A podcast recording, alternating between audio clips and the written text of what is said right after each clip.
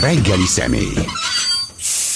Német András kollégám, a HVG külpolitikai újságírója, a volt szovjet térség jó ismerője a vendégünk. Jó reggelt, szervusz! Szervusz, jó reggelt kívánok! Muszáj azzal kezdenünk, ami tegnap történt ezzel a rakétatámadással, orosz rakétatámadással, ukrán civil célpontok ellen, és hát olyan infrastruktúrális létesítmények ellen, amelyek az áram, víz, és talán a gázszolgáltatásban nagyon fontosak. Szóval, hogy ilyeneket támadott tegnap, tegnap Oroszország de hát ettől a fronton nem lesz jobb az ő helyzete. Nem, ez megint egyfajta elkeseredettségre utal szerintem. Tehát ugye sokan mondják azt, hogy Putyin most éppen a civilek ellen indít háborút, vagy folytat háborút, miközben a fronton katonák ellen nem nagyon megy, de hát ugye azért pár nappal vissza kell mennünk, tehát ez mindenképpen válasz arra, hogy szombaton felrobbant az Oroszországot és a Krimet összekötő Kercsi hídnek egy szakasza, ami egy időre teljesen állított a forgalmat, most pedig egy dupla sávon tud menni, meg megy, megy már a vasút is. Ez fontos katonai jelentősége is volt ennek, mert ugye ezen a hídon keresztül megy az utánpótlás az Ukrajna déli részén állomáshoz orosz erőknek, és szimbolikus jelentősége is van, tehát ezt 2018-ban személyesen Vladimir Putyin adta át, ő hajtott át először ezen a hídon, tehát ez gyakorlatilag egy olyan, mintha megpöckölték volna az órát, ráadásul mindezt egy nappal a születésnapja után, tehát ugye volt az a híres mém, ahol e, mutatják a lerombolt hidat, és alatt a Marilyn Monroe, Monroe-nak a Happy Birthday Mr. President szólt, tehát ez, ez egy személyes üzenet is volt Putyinnak, amire neki válaszolnia kellett, ellen, ő ezt a választ adja, hogy tényleg, tehát megvan nekem a lista, hogy miket lőttek, tehát négy vagy öt hőerőművet, amit számomra teljesen megdöbbent, hogy kiebben megpróbáltak szétlőni egy biciklihidat is.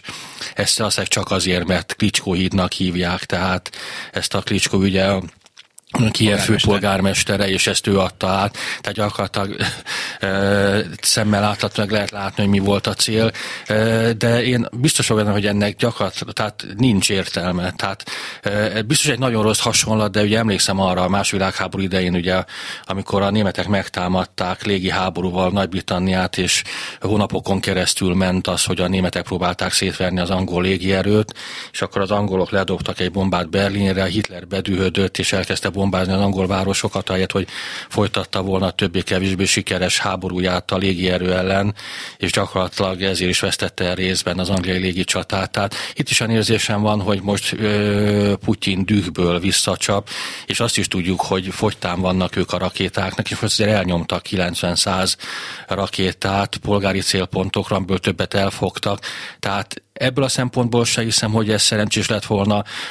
Másodszorban nem okozott akkora kárt ez Ukrajnában, ami tényleg meg e, hátrálásra készíteni az ukránokat, inkább a, a düh. Tehát amikor e, én sokat jártam Kievben, amikor a Volodymyrska e, utcán az, az SZBÖ székházat fölrobbantják, és gyakorlatilag olyan úton, mint hogyha Magyarországon mondjuk a, az Andrási út egy óriási nagy kráter keletkezik, azt szerintem a budapestieket is inkább ellenállásra ösztökélni, mint sem arra, hogy meghátráljanak. És még egy fontos dolog, hogy, hogy ennek hatására azok az országok is több fegyvert fognak adni, amelyek eddig óvakodtak ettől. Tehát ugye a németek pont a, a támadás napján jelentették be, hogy egy nagyon fejlett légvédelmi rendszert fognak adni Ukrajnának, az amerikaiak továbbiakat ígértek, tehát ez szerintem hoztában megint egy kicsit kontraproduktív volt ez az akció azt mondta, hogy majdnem azt mondtam, hogy szovjet, mert megint, szóval egy orosz tisztségviselő, hogy ez egy üzenet, azt mutatja az ukránoknak, hogyha tovább erősködtök, akkor mi ilyen precíziós rakétákkal, már amennyiben egy játszótér, meg a,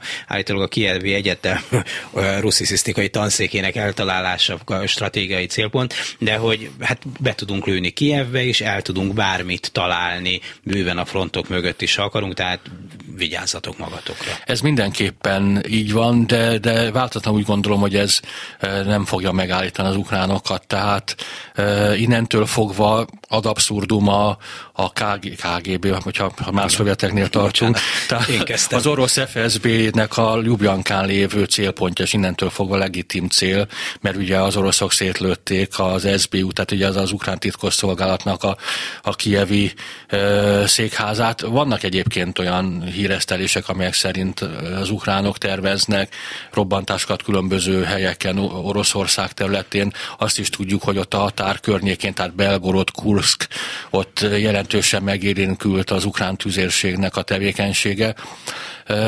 Az mindenképpen a nagyon rossz hír, hogy abszolút az eszkaláció irányába megy az a válság, tehát és egyre több a düh mind a két oldalon, és a düh az ugye nem jó tanácsadó, tehát én nagyon félek attól, már nagyon régóta úgy érzem, hogy ez a válság nagyon sokáig fog tartani, nagyon régen úgy érzem, hogy ez a válság valamelyik fél teljes vereségével fog véget érni, és egyre inkább megyünk az eszkaláció irányába. Én nem azt mondom, hogy itt egy csattogni fognak az atombombák, mert változatlanul úgy gondolom, hogy ez, ez, ez nem érdeke még Oroszországnak sem, mert gyakorlatilag teljesen egyedül maradna tehát ugye most Kína, India nem teljes melszélességgel, de valamilyen szinten támogatgatja Oroszországot, de, de hogyha itt atomfegyver kerülne elő, akkor biztosabb egy India és Kína is kihátrálna Oroszország, mert ez gyakorlatilag vállalhatatlan lenne.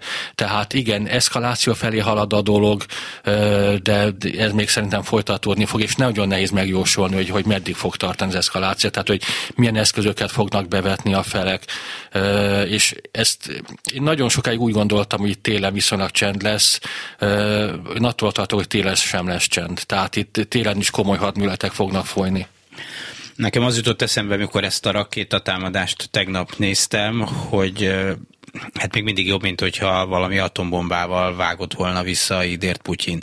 Tehát, hogy ugyan ez egy, ez egy elég, nem elég, ez egy nagyon aljas terrorista támadás volt, de mondjuk még mindig nem mérhető egy napon sem említhető azzal, mint a, akkor most akár azért is, mert a saját héjái azt követelik egy atombombát, akár hogy szokták ezt mondani, egy taktikai atomfegyvert vetett volna be valahol. De, de én beszéltem ukrán, meg mindenféle szakértőkkel, akik azt mondják, hogy nagyon nehéz meghatározni, hogy hol érdemes bevetni egy ilyen taktikai atomfegyvert. Tehát egy taktikai atomfegyver azért olyan, olyan békésen hangzik, de hát ez körülbelül egy akkora atomfegyver most jelenleg, mint amit Hiroshima-ra vagy Nagasakira ledobtak. A frontvonalon ezt nem érdemes ledobni, mert ugye ott akkor az orosz erők ezen szintén nem tudnak átmenni. Az biztos, hogy Kievre azért nem mernek ledobni egy taktikai atombombát, mert Miért nem? Mert, mert olyan szinten párjává válna ez az ország, tehát az egész világ írtózik az atomfegyverektől.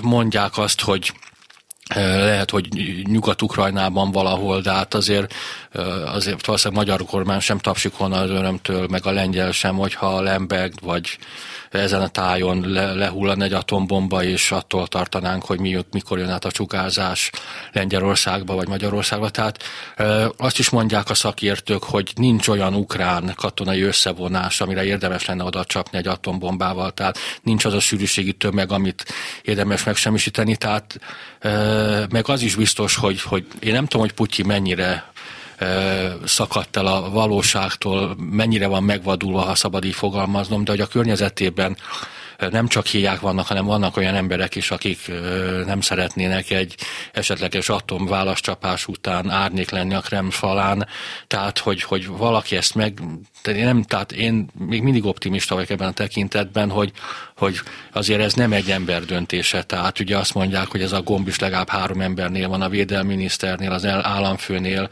és a hadsereg, tehát a vezérkarfőnökénél, aztán utána is van, aki konkrétan kilövi a rakétát.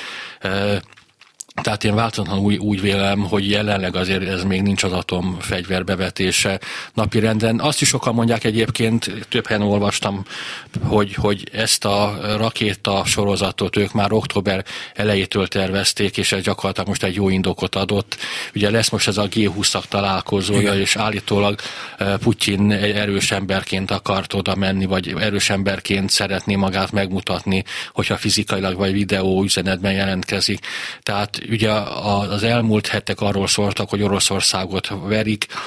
Nagyon látványos volt, ahogy a a, a Shanghai Együttműködési Szervezet Samarkandi csúcs találkozóján nem Putyin várakoztatta a, a tárgyaló partnereit, hanem a tárgyaló partnerei várakoztatták Putyint. Az indiai miniszterelnök, a kínai elnök is gyakorlatilag megmondta, hogy itt már azért békét kéne kötni.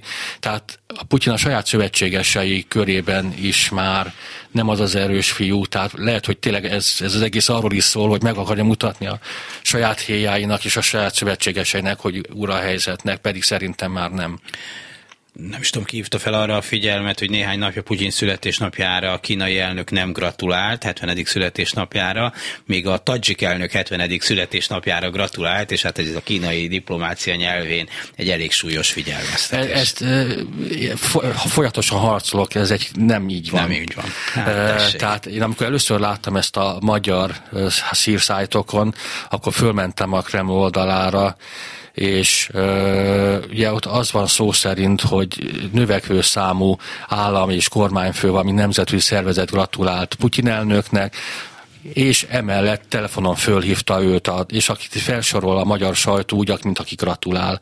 Én felmentem, megnéztem utána az orosz hírszájtokat, Xi Jinping gratulált, neki sőt még ajándékot is küldött. Hmm, uh, igen, talán sokkal jobban hangzani, hogyha nem. Egyébként azt nem tudom, hogy Orbán Viktorról nem lehet tudni, hogy gratulált-e. Tehát ennek ugye a szóvivője nem válaszolt egyértelműen, az biztos, hogy Novák Katalin nem gratulált, pedig ugye az államfőnek az államfőnek mindenkinek kéne gratulálni, de megnyugodhatunk, Kína még gratulál. Ha Novák Katalint említetted, akkor állítólag a tegnapi terrortámadás, terrorbombázás vagy terrorrakétázás után azért a világ kultúrálamai elítélték azt, ami történt. Novák Katalin egy nigériai hiszem, hajóbaleset miatt fejezte ki részvétét, és egy szót nem ejtett arról, ami Ukrajnában történt de hogy őszintén nem lep meg, tehát e, én nem akarom kicsinyíteni az ő politikus nagyságát, de én szerintem azért limitált az ő hatáskör, és körülbelül azt mond, amit mondanak neki, hogy mondjon. E, tehát tettő gesztusokat, tehát amikor Lengyelországban járt, akkor elítélte, valószínűleg azért is, mert... Ez fórumon is azért, igen, mikor fellépett, elítélgette. Tehát megy ez az erezdel, húzd meg magyar politika, ez soha nem szokott azért hosszú távon sikeres lenni, tehát ha szabad egy példát, ugye nagyon sokáig Ukrajna is megpróbált lavírozni a nyugat és a kelet között, és emlékszem, hogy a Kresatyikon ültünk egy nagyon jó ukrán politikai jellemzővel, aki azt mondta, hogy lavírozunk, lavírozunk, de rettetesen rá fogunk erre fázni, és ő is csak a, a durvább kifejezést használtam, amit most nem szeretnék használni. Nyugodtan, mert nincs frekvenciánk, nem tudják elvenni. Tehát, és tényleg ez történt. Tehát az a baj, hogy hosszú távon én szerintem, aki két lovon akar egyszerre megülni, az mindig végül középre beesik, és sokszor ez csak időkérdése magyar politika történet, vagy történelem mutat erre példákat hogy Novák Katalin gratulált-e vagy sem, tényleg majdnem mellékes, de azért az elég látványos, hogy a magyar külügyminiszter az ENSZ közgyűlésen találkozik az orosz külügyminiszter, méghozzá egy Putyin kép alatt fényképezteti magát, vagy ha jól emlékszem, a jövő héten elmegy egy olyan fórumra, Moszkvába energetikai fórumra, ahol csupa olyanokkal fog beszélgetni egy panelbeszélgetésben, akik mind Európai Uniós, vagy amerikai, vagy esetleg mindkettő szankció alá esnek. Szóval ezek azért elég demonstratív és feltűnő jelek. Igen, ezt látványosnak nevezted, én inkább szégyenletesnek nevezném. Tehát nagyon sokszor gondolkozom azon, hogy mi lehet ennek a magyar politikának az oka. Valamilyen szinten biztos, hogy meg lehet magyarázni, hogy egy országnak miért nem érdeke az, hogy ne, ne hozzunk be Oroszországból kőolajat és földgázt. Azt is tudjuk, hogy Magyarország közel van Oroszországhoz, és azt is látjuk a térképeken teljesen egyértelmű, hogy minél távolabb van egy ország, Oroszországtól annál kisebb a, a részaránya az importjának, az energiaimportjának az orosz importát. Valamilyen szinten, még ha nem is értek egyet vele egy, egyet, lehet magyarázni azt, hogy miért ne legyen ilyen. De amikor egy Kirill pátriárka szankciós listára felvételét megvétózza Magyarország, vagy három Putyinhoz rettetesen közel álló milliárdokat lopó oligarha szankciós listára fellépő, felvételét meg akarjuk akadályozni, ez teljesen megmagyarázhatatlan. Különösen annak fényében, hogy az Orbáni politika egészen 2008-ig erősen Moszkva ellenes volt. Tehát emlékszünk arra, amikor azt mondta, hogy kelet felül nem jön szabadság. A Gazprom legvidámabb barakja, nem akarunk lenni. Igen, ellenezték ők a déli áramlatnak a, a, a megint megindítását, amikor Grúziát megtámadta 2008-ban Oroszország, akkor Magyarország ítélte talán elsőként és talán leghangosabban ezt az akciót. 2008-ban Magyarország volt az, amely a bukaresti NATO csúcson támogatta Ukrajna és Grúzia közeledését a NATO-hoz. Ezt mond még egyszer, ne arra úgy. Tehát Magyarország volt az, amelyik a 2008-as NATO csúcson Na, de akkor nem Orbán volt hatalma. E, igen, e, de, de ez igaz, de, de, de, de egyébként a Fidesz is támogatta. Hmm. Tehát e, e, tehát és ez a, ez a politika fordult át ebbe a politikába, ami, ami, amit most folytatunk, ami, és az is teljesen normális, hogy Oroszországgal, Magyarország nagyon sokáig megpróbált jó kapcsolatokat ápolni, de, de mindig van különbség egy jó kapcsolat ápolása, és egy gyakorlatilag egy, egyfajta szolgai alárendeltség vállalása között, és nagyon rossz, amikor gyakorlatilag a magyar politikusok nyilatkozataiból visszaköszön az, az, amit a, az orosz híroldalakon orosz propagandaként ismerünk meg. Az rendszeresen visszaköszön a mainstream nyugati sajtóba, hogy Orbán Putyin falova. Szerintem nem teljesen hasonló, jó ez a hasonlat, már csak nem úgy néz ki, mint egy falu, hanem nem tudom mihez hasonlít, de azért sem a faluban nem lehet, nem tudták a szegény trójaiak, hogy görögök rejtőznek. Az, hogy Orbán Viktor pedig mit csinál, az teljesen látványos ezzel a orosz párt pártisággal, bár azért az is igaz, hogy az összes szankciót eddig megszavazták, és mondjuk a Kirillt lesírták róla, de hát az tényleg a oszposz mindegy, csak a szégyen, de stratégiai jelentősége nincsen. Szóval, hogy, hogy ez nincs titkolva, hogy ő, hogy ő orosz párti, és ezt a nyugati sajtó, meg a még maradék független magyar sajtó azért HVG és a Klubrádió is, és még mások is azért szerencsére meg megemlítik. Hát ezt nem is lehet titkolni, tehát ugye is mondod azt, hogy, hogy a szankciókat mindig megszavazzuk, ez tökéletesen igaz, de hát azért e, nyilatkozatok és e, tucatjait vétozta már meg Magyarország, tehát e, akkor Kínát is folyamatosan védjük, de Oroszország ügyében is több olyan EU-s közös nyilatkozat lett volna, amit Magyarország nem fogadott el. Ugye emlékszünk erre a, a most 8 vagy 9 közép- és kelet-európai állam támogatásáról biztosította Ukrajna közeledését a NATO, ezt megint nem írtuk alá. Tehát oké, hogy Orbán Viktor azt mondja, hogy azt figyeljétek, amit csinálok, ne azt, amit mondok, de más már ezzel a csinálásban is sokszor benne van a, a, egy hata, ez most egy írtatos képzavar lesz, amit mondok, de benne van a kilógó lóláb, tehát... A kilógó falóláb. Igen.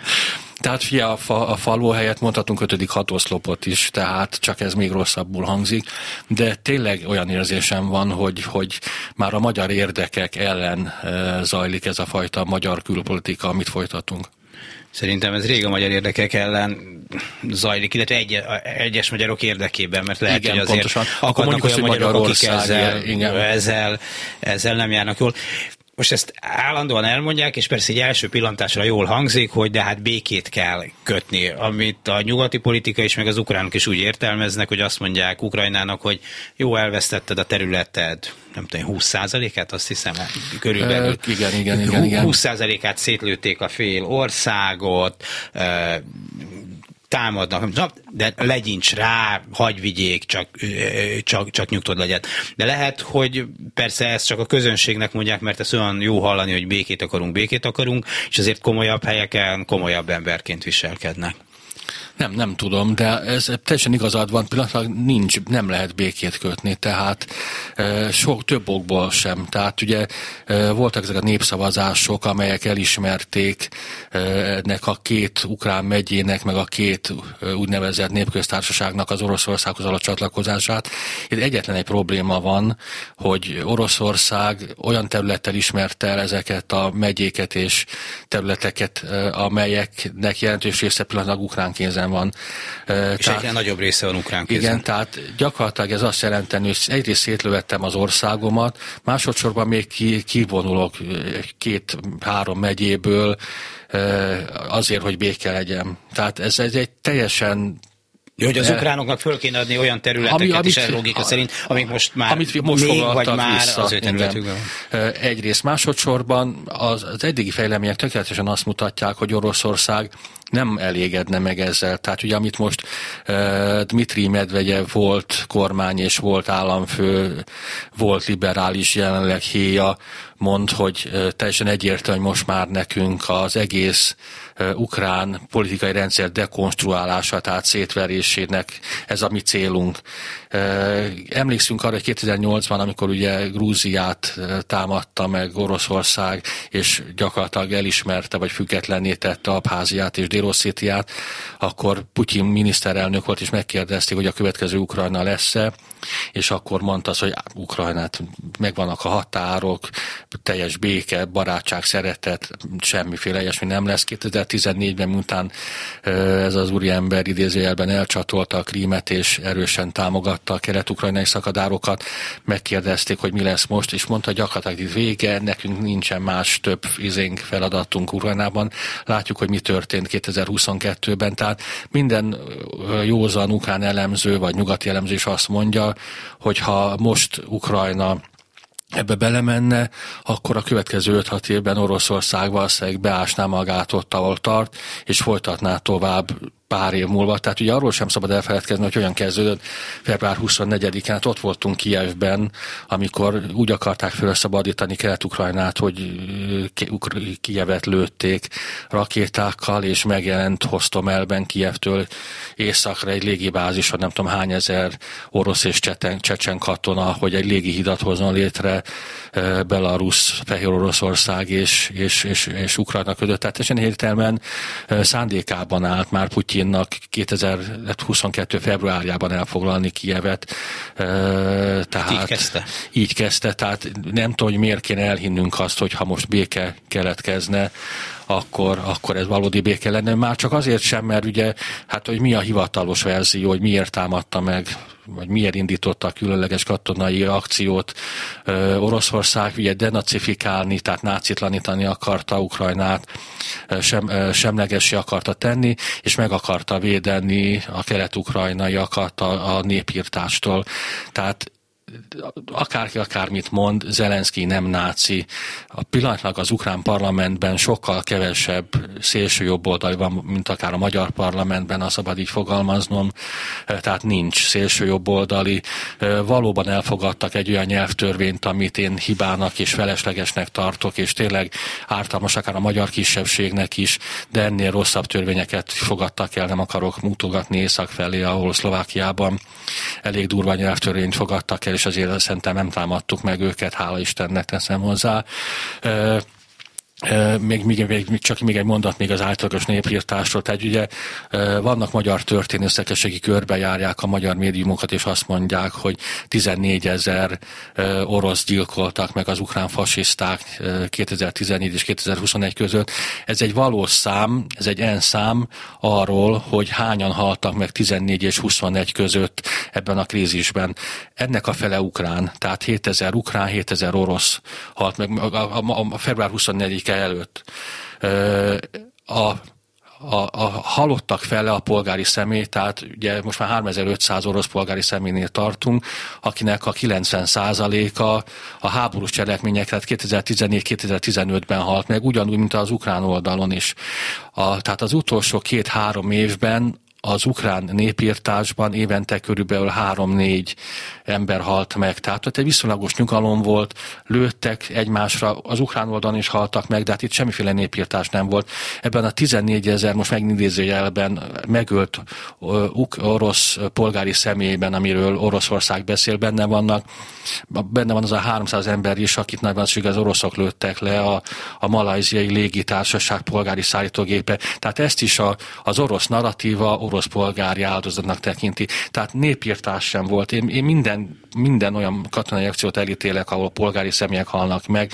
Én nekem az is fáj, hogy a kilenc ember hal meg, de nem kilenc ember három év alatt nem népírtás, az a népírtás, amit Szerbia, és teszem hozzá Oroszország sem ismer el, Srebrenicában, ahol három nap alatt 8000 muzulmán férfit és fiút öltek meg, csak azért, mert muszlimok voltak. Na ez egy népírtás. Német András kollégám, a HVG újságírója a vendégem. Ugye Belarusia helyzete, Belarus is érdekes. Ha igaz az, mert most már félve kérdezem a kínai elnök üdvözlete után az eféle éreket, hogy Belarusia vagy Belarus sem ismerte el ezeknek a megyéknek az elcsatolását. Tehát, hogy ezt ENSZ országok nem ismerték el, ideértve ugye a leg közelebbi szövetségesét Putyinnak. Nem, ők lapítanak most, tehát ö, a, gyakorlatilag ha nem lenne egy utolsó gazember, uh, Alexandr Lukashenka, Belarus vagy Fehér Orosz elnök, akkor, uh, akkor azt kell mondjam, hogy sajnálnám a személyes sorsát. Tehát egy kolhoz elnökből államfő lett, imádta a hatalmat, és most gyakorlatilag látja azt, hogy hétről hétre kisebb a hatalma, mert gyakorlatilag a teljes az ország a teljes ellenőrzését át kell adni most már Oroszországnak. Tehát bocsánat, Lukasenko úgy fütyül, ahol, ahogy, vagy úgy, úgy táncol, ahol Putyin fütyül. Most éppen arról van szó, hogy oda vezényelnek még orosz katonákat sőt, ami közös, közös Igen. csapatokat hoznak áll, létre. Na de, Igen. és most mondták, hogy tegnap onnan is támadták drónokkal Ukrajnát, de mondjuk eddig belarusz katonák nem, nem vettek részt, bár most azt is láttam valahol, hogy T-72-es harckocsikat adna át Belarus Oroszországnak. Hát ez, ez megint ez az átadna, ez a, ja, a negyedik füles után ja, ja. önként átadta, de ez megint ugye arra utal, hogy Oroszország erősen hiány van fegyvereknek, de még visszatérve arra, amit mondtál, hmm. hogy nem ismert el, ugye 2014-ben sem ismert el a Krím Oroszországhoz csatolását Lukasenko, sőt, De. amikor megjelentek ezek a udvari a zöld emberek, tehát magyarul a, az orosz hadsereg jelzések nélküli katonái a Krímben, akkor bevették a fehér orosz törvények közé, hogyha ilyesmi megtörténik Fehér Oroszországban, az automatikusan a hadi állapot elrendelését jelenteni. Tehát akkor gyakorlatilag szinte tiltakozott ez ellen. Most ez a tiltakozás már nem hallatszik, de valóban nem. Tehát gyakorlatilag én szerintem csak Észak-Korea ismerte legitimnek ezt a népszavazást és az Oroszországhoz való csatlakozást. Ez azért elég kínos lehet Igen. Oroszországnak. Ez nagyon kínos, de hát azt is tudjuk, hogy, hogy 2008-as Déloszétiát és Abháziát is talán még Szíria, meg az ilyen hasonlóan független és baráti demokratikus országok ismerték el legitimnek. Ugye emlegeted a volt szovjet tagköztársaságokat, azért látszik, hogy ott is próbálnak távolodni Oroszország, ugye Kazasztán, Grúzia, Örményország, a, Örményország, Grúziában volt tegnap tüntetés, igen, talán, de, de, hogy még, de hogy még Örményországban is vannak egyre inkább kritikusan, hogy a balti országokról nem is beszélve, hát azok egészen mások, tehát hogy, hogy, hogy bomlik ez a szövetségbe kovácsolt a. Na, nagyon, tehát, tehát az, én, én úgy érzem változatlan, hogy nincs igaz, ugye elő, előbb mondtam azt, hogy szerintem ez sokáig fog tartani, és, és hogy valamelyik félvereségével, és ez Oroszország lesz szerintem hosszú távon. Tehát valóban az is látszik, hogy Örményország, amelyik a Szovjetunió széthullása után elindult Európa felé, és próbált az EU-val mindenféle egyezményt kötni, akkor Oroszország egy kiváló indokkal átfordított a sát oldalára, gyakorlatilag azt mondta, jó, itt menjetek Európába, és akkor majd védjen meg titeket Európa Karabakban. Igen. Ugye Karabak az egy terület, Azerbajdzsán területére beékelődve, ami örmény többségű, az örmények ezt a Szovjetunió szétbomlásának időszakában elfoglalták, sőt, elfoglaltak nettó azeri területeket is, amivel összekötötték Karabakot és Örményországot. De hát azt is tudjuk, hogy Örményország egyrészt sokkal kisebb. Három milliós? Se, igen, most már menekülnek az emberek. Másodszorban Azerbajdzsán nem csak nagyobb népességileg, hanem írtatos mennyiségű kőolajat, földgáz termel ki. Tehát, meg Törökország ott áll mögött. Meg Törökország őt támogatja, tehát egy erős barát nélkül Örményországnak semmi esély nem volt arra, hogy megtartsa Karabakot. Tehát ezért ők átálltak Oroszország oldalára, és most nekem egyre inkább úgy tűnik, hogy, hogy Oroszország Oroszország valóban szorul ki ebből a térségből, tehát egyrészt Törökország nagyon aktívan támogatja Azerbajdzsán. Most ugye voltak összecsapások megint Örményország és Azerbajdzsán között, és amikor az örmények kérték egy valóban létező katonai egyezmény alapján Oroszország segítségét, Oroszország nem reagált, sőt, még előtte kivont egy csomó békefenntartót onnan Karabak környékéről, mert átvitte őket Ukrajnába. Tehát nem véletlen, hogy az, az örmény védelmi miniszter Amerikában tárgyalt, Nancy Pelosi képviselőházi elnök Amerikából Jerevánban tárgyalt, tehát teljesen egyértelműen próbálják leválasztani Oroszországról Örményországot. Moldováról tudjuk, hogy az hát Európai én. Unió felé tör, és valóban Kazaksztán megdöbbentően e, politikát, meg, megdöbbentő politikai változtatás hajtott végre. Elmésztünk arra, hogy januárban, amikor ott a, valószínűleg a korábbi elnök Nursultán Nazarbayev hívei ott egy eléggé nagy zavargássorozatot robbantottak ki. Az új elnök, aki egyébként sokáig úgy tűnt, hogy a régi elnöknek a Tokayev? Tokayev, igen, tehát hogy, hogy ő gyakorlatilag egyfajta bábja a régi elnöknek, de hogy szokott ez lenni, az a volt Szovjetunió területén, ezek a bábok életre kelnek. Na tehát ezt a Tokajevet az orosz békefenntartók, az Oroszország ott megkérte Kazaksztán, hogy jöjjene segíteni, és most gyakorlatilag semmiféle válaszgesztus nincs, sőt, Kazaksztán teljesen egyértelművé tette, hogy nem ért egyet ezekkel a népszavazásokkal, nem ismerte el ezeknek az eredményét. Ennek az egyik oka az, hogy ugye Észak-Kazaksztánban elég nagy területeken orosz többség van, és az orosz nacionalisták nagyon szeretnék Észak-Kazaksztánt is akár Oroszország részeként látni, és valós félelmek vannak arról, hogy ha esetleg Ukrajna sikerült volna, akkor a következő célpont Kazaksztán lett volna, ahol úgymond most megint idézőjelben nácik vannak a hatalmon. Igen, bár Kazaksztán beengedte a sorozás erről menekülő oroszokat, tehát a Abszolút. oroszok száma Igen. nőtt valószínűleg Kazaksztánban, bocsánat. Ukra- Ukrajnában sejtjük, hogy hogy van, de Oroszországban mennyire maradt lehetőség egyáltalán a tájékozódásnak, hogy, hogy mi történik, mert nyilván az állami propaganda nyomja, amit nyomja, de nyom, de hát, és néha nézek ilyen lapszemléket erről, hogy úristen, mi folyik ott, de hogy van-e maradt-e független forrás. Hát bent az országban már nincsen, tehát gyakorlatilag az utolsó független médium az a Novaja Gazeta volt, amelynek ugye a főszerkesztője Nobel békedíjat is kapott Nincs. Tehát gyakorlatilag aki független és ellenzéki újságíró volt orosz, az vagy elhallgatott, vagy elmenekült. Vagy lelőtték. Vagy lelőtték, és külföldről dolgoznak. Oroszországban ugye egyrészt cenzúrázák is, másodszorban nem is engednek be most már külföldi újságra, de, de például ugye vannak ezek a VPN szolgáltatók, amelyek révén elméletileg elérhető lenne a, a külföld, elérhetőek lennének a külföldi médiumok. Én azt látom, hogy, hogy valóban kezd kialakulni egyfajta nemzeti, nemzet nemzedéki ellentét Oroszországban a fiatalabbak és az idősebbek között. Az idősebbek teljes mértékben, illetve nagyon döntő részt megveszik ezt a fajta propagandát, és tényleg csak a, az orosz állami tévéket, rádiókat nézik, hallgatják. Még a fiatalabbak között sokan vannak, akik eh, megkerülik a cenzúrát, de Ugye voltak tiltakozások a mozgosítások ellen is, és csak ugye erre szokták fölhívni a figyelmet arra, hogy, hogy lehet, hogy a mozgosítást ellenzik, de a háborút nem.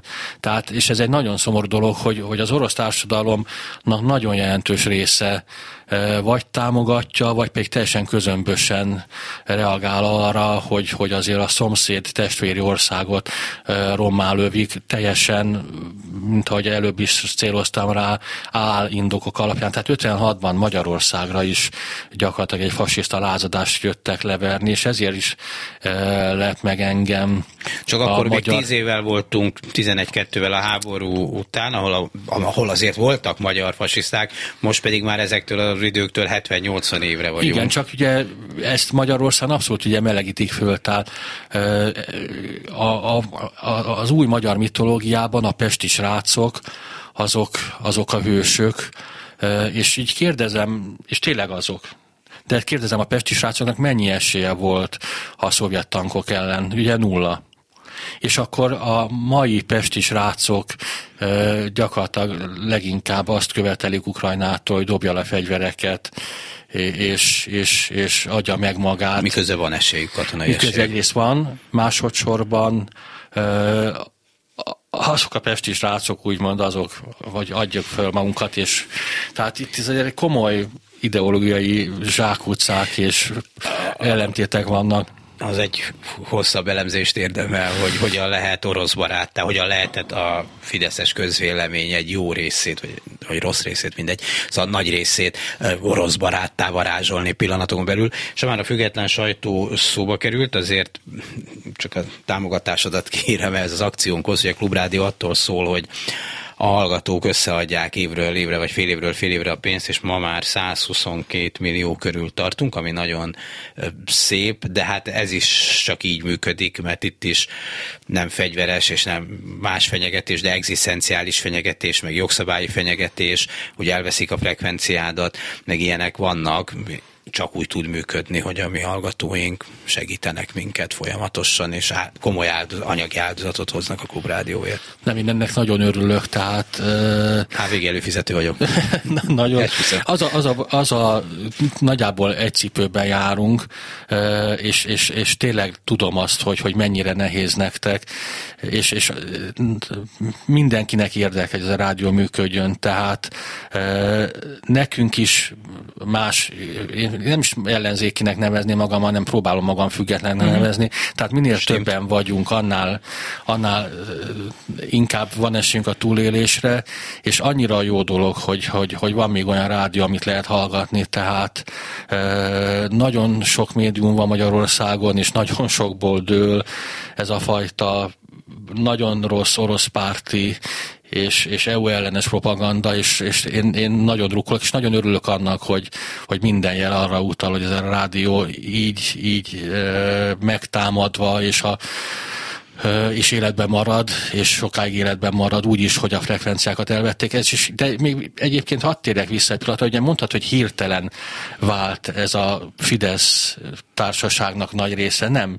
Ez gyakorlatilag 2010 óta akárhányszor Igen. Putyin eljött Magyarországra, annyiszor csináltak belőle macsócsávot, és ezt csak azért mondom, hogy a, a, a rádiót is gyakorlatilag nem, nem rövid ideig nyomták. Tehát emlékszem arra, hogy, hogy országosan hány frekvenciá volt a klubrádiónak, hogy sorra nyírták le, és ezért is fontos, hogy, hogy, hogy minél többen maradjunk meg, mert, mert azt látom, ez egy rettetesen hülye hasonlat lesz, de a független sajtó is úgy fogy, mint ahogy egy, egy kisebbség fog egy, fogy egy országban. Tehát először a kis szigeteket, leharapják a szélén, utána beleharapnak a tömbbe, és akkor ott is szigeteket csinálnak. Gyakorlatilag ugyanígy akarják tönkretenni a független sajtót is, és ezért kell az, hogy minél többen maradjunk.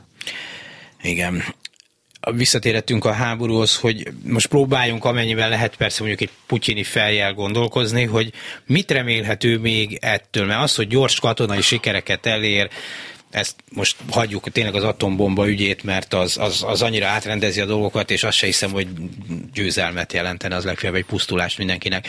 Tehát, hogy Kievet elfoglalni. Nem tudja ezt a négy területet megtartani, amit annak tehát, hogy ötöt mondjuk a Krímmel együtt. Hát ez is feletté bizonytalan, még okozhat nagyon nagy károkat és szörnyű tragédiákat Ukrajnában, de hát mégiscsak az ukrán hadsereg halad előre. Úgy tűnik, hogy a nyugat elég szilárdan ott áll továbbra is Ukrajna mögött katonai szállításokkal és anyagi eh, erővel is. Hogyha valamiféle úgynevezett békét vagy tűzszünetet lehetne csinálni, akkor egy folyamatos partizán háború lenne, egy olyan terület, területet szerezne meg, ami lerombolt, az emberek elmenekültek, szinte az ő helyrehozhatatlan, ugye azért a szankciók előbb-utóbb egyre egyre súlyosabb dolgokat okoznak. Szóval, szóval mi, mire számítható, vagy mi lehet az ő fejében, vagy mi a következő húzás?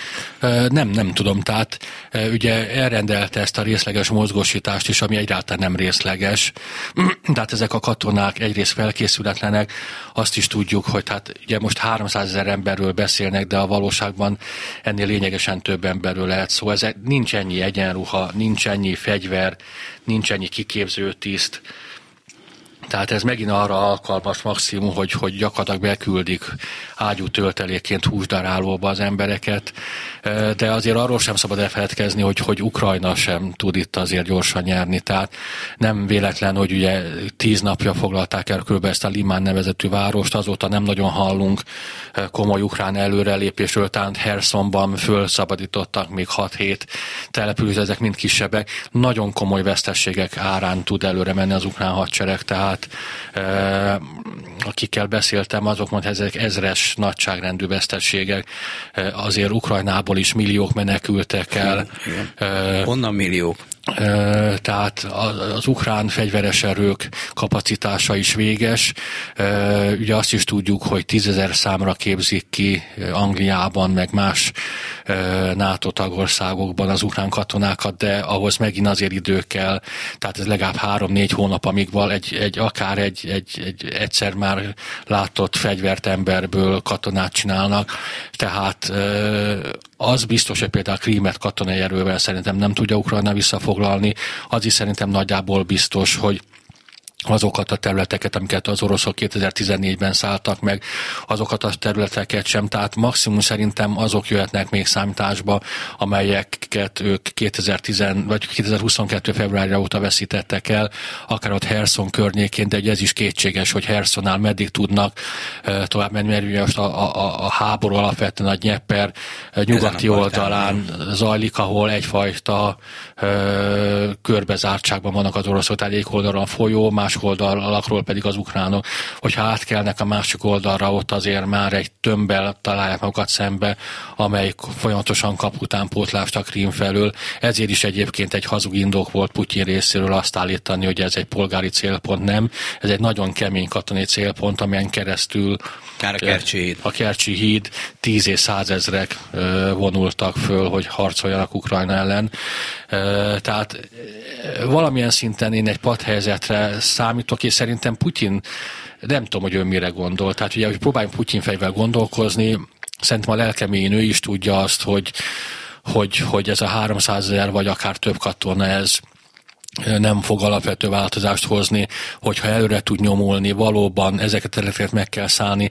Azt is tudjuk, hogy Herson környékén nem csak a konkrét a partizán mozgalom az erős, hanem jönnek folyamatosan a hírek, tehát amikor ugye azt mondták most az oroszok pár nappal ezelőtt, hogy ezek a gaz ukránok be, szétlőttek egy szállodát Hersonban, ezt a szállodát nem véletlenül lőtték szét, az volt az, a, az orosz titkos szolgált helyi központja. Tehát ilyen szinten tudják az ukrán ukránok, hogy hol vannak a megszállók. Tehát ez egy hosszú távon Ugye 2014-től 2021-ig tulajdonképpen Kelet-Ukrajna, Ukrajna testén volt egy nyílt seb ami miatt Ukrajna vérzett. Most már ez mind a kettőnek egy nyílt seb, tehát kiválóan említett, hogy a szankciók egyre inkább fognak működni, egyre több orosz katona hal meg, fönn kell tartani, nem tudják újjáépíteni. Mariupolból beszéltem emberekkel, azt mondták, hogy most már segély sem érkezik oda. Az most még orosz kézen van. Igen, tehát, Fel is robbantottak ott valamit tegnap, ha jól igen, láttam a híreket, tehát, valami lőszerre. Tehát ez gyakorlatilag Oroszországot is vérezteti ki ez a válság. Nem akarok semmiféle történelmi párhuzamot honni, hogy milyen diktátorok, milyen rossz döntéseket hoztak különféle bunkerekben, de, de olyan érzésem van, hogy ő is egy, egy inkább ez a bunker mentalitásban van, és olyan csapatokat tologat a térképen, amik nincsenek, és nem merik neki megmondani, Vladimir Vladimirjovics nincs. Nyiszestó. A, a, valaki azt fejtegette, egy optimista alkat, hogy talán a múlt héten kétette, ha jól emlékszem, egy Vladivostoki fórumon azt mondta volna Putyin, hogy hát tulajdonképpen elértük az eredményeket, amiket akartunk, amiért indítottuk ezt a háborút, tulajdonképpen mi ezt már megnyertük. És akkor az volt ott a konklúzió, hogy hát ugye a, a hírek szerint, meg a katonai eseményeket tekintve nem, de hát valahogy abba kell hagyni, és azt gondolja, hogy elég erős az otthoni propagandája, hogy majd azt hazudja, hogy mi nyertünk, és akkor mindenki boldog lesz az ukránok, mert vége a háborúnak, az oroszok meg nyertek, és hogy mi a valóság, az meg tulajdonképpen majdnem mindegy. Ez szerintem meg lehetett volna csinálni két-három hónappal ezelőtt. Tehát akkor, amikor elfoglalták az oroszok Liszicsanszkot, és gyakorlatilag ezzel az ő kezükre került Luhansk megye, akkor szerintem meg lehetett volna csinálni, most már nem. Tehát nem, nem lát, tehát az, az orosz közvéleményhez is lassan azért eljutnak a hírek, tehát lassan halad a posta Oroszországban, de, de hát amikor, tehát tényleg már biztos, hogy tízezrek haltak meg, biztos, hogy további tízezrek sebesültek meg, és igaz, hogy ezek az emberek, akik meghaltak és megsebesültek, alapvetően nem Moszkvaiak és Szentpéterváriak, de, de, de azért terjednek ott is szép lassan a hírek. Én abban is biztos vagyok, hogy, hogy Oroszország polgárai azért talán hosszabb távon belefáradnak ebbe az elszigetel, elszigeteltségben, elszigeteltségben, amiben élnek. Tehát szerintem ez a, ez a pillanat már elmúlt. Azt mondta a brit hírszerzés egyik vezetője, hogy nagyon fogy Oroszországban a hadianyag, lőszer, fegyver, vagy valaki most kiszámolt, hogy a tegnap elrakétázott dolgok 5-600 millió dollárba kerültek, tehát hogy egyszerűen nem fogja bírni, bár, bár nyilván azzal nem fogja bírni, és egy relatív, mert még egy úcska tank vagy egy azért mindig lesz, de hogy azért erősen folyóban van az után. Hát erre céloztam, amikor némi párhuzamot próbáltam vonni az angliai légicsata is e között, tehát teljesen egyértelmű, hogy, hogy nincs elég fegyvere Oroszországnak. Amikor mondja az a Konyasenkov tábornok, hogy a precízos fegyverek, ezek a jelentős része már nem precízos fegyver, az orosz tüzérség egyre inkább a más világháborús taktikát célozza, vagy használ használja, ami a kb. arról szól, egy lakótömböt nem okos rakétákkal és tüzérségi lövedékekkel lerombolnak, és ott minden megy, tehát de és ebből is egyre kevesebb van. Tehát amikor ugye azt mondják, hogy, hogy azért jó Ukrajnának ez a HIMARS rendszer, mert nem 30, hanem 80 kilométer mélységben tudja lőni az orosz állásokat, gyakorlatilag tényleg kilőtték a, a, a lőszerakták jelentős részét. Ugye az orosz technika az mindig az volt, hogy a, a, a frontvonal mögött 20-30 kilométerrel lévő raktárból szállították folyamatosan a, a lőszert, mennyivel sokkal nehezebb ugye egy 90 kilométerről szállítani, tehát egyszerűen nem tudnak annyi lőszert eljutatni. Ezek a lőszerszállító eszközök is folyamatosan tűz alatt vannak, tehát az utak nagy jelentős részét már elérik az ukránok, a lőszeraknak, tehát valóban biztos benne, hogy komolyan fogynak az orosz fegyverek és lőszerek, és ugye azt is tudjuk, hogy, hogy az orosz katonai eszközökben rengeteg nyugati technika volt, tehát a, a, a kiváló magyar katonai szakértők felsorolták, hogy japán optika, nem tudom milyen chip, és azt mondják, hogy amikor egy ilyen modern orosz helikopter leesik, ahelyett nem lesz új.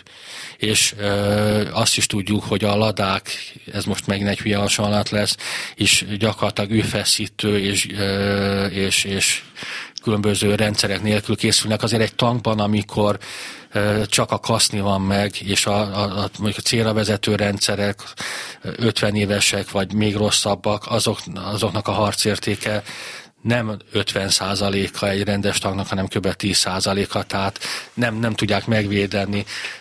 Gyakorlatilag egy ilyen vállalindítható indítható rakéta töredéke annak, amennyiben egy tank kerül, és hogyha ezekben nincsen megfelelő rendszer, nincs megfelelő légi támogatás, tűzési támogatás, akkor ezeket nagyon gyorsan és nagyon hatékonyan ki lehet lőni.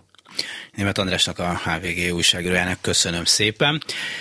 Önöknek pedig köszönöm szépen a figyelmet, ne felejtsék el, hogy gyűjtési hét kollégánk várja a telefonjukat 061 24 07 95 3, illetve 061 24 06 95 3 a telefonszámunk, és a klubrádió.hu oldalon minden fontos információ eh, ott van, ami szükséges ahhoz, hogy támogassák a Klubrádió felmaradását. A mai műsor elkészítésében munkatársaim voltak Petes Vivien, Simon Erika, Lantai Miklós és a szerkesztő Herskovics Eszter, Dési János hallották. A viszonthallásra.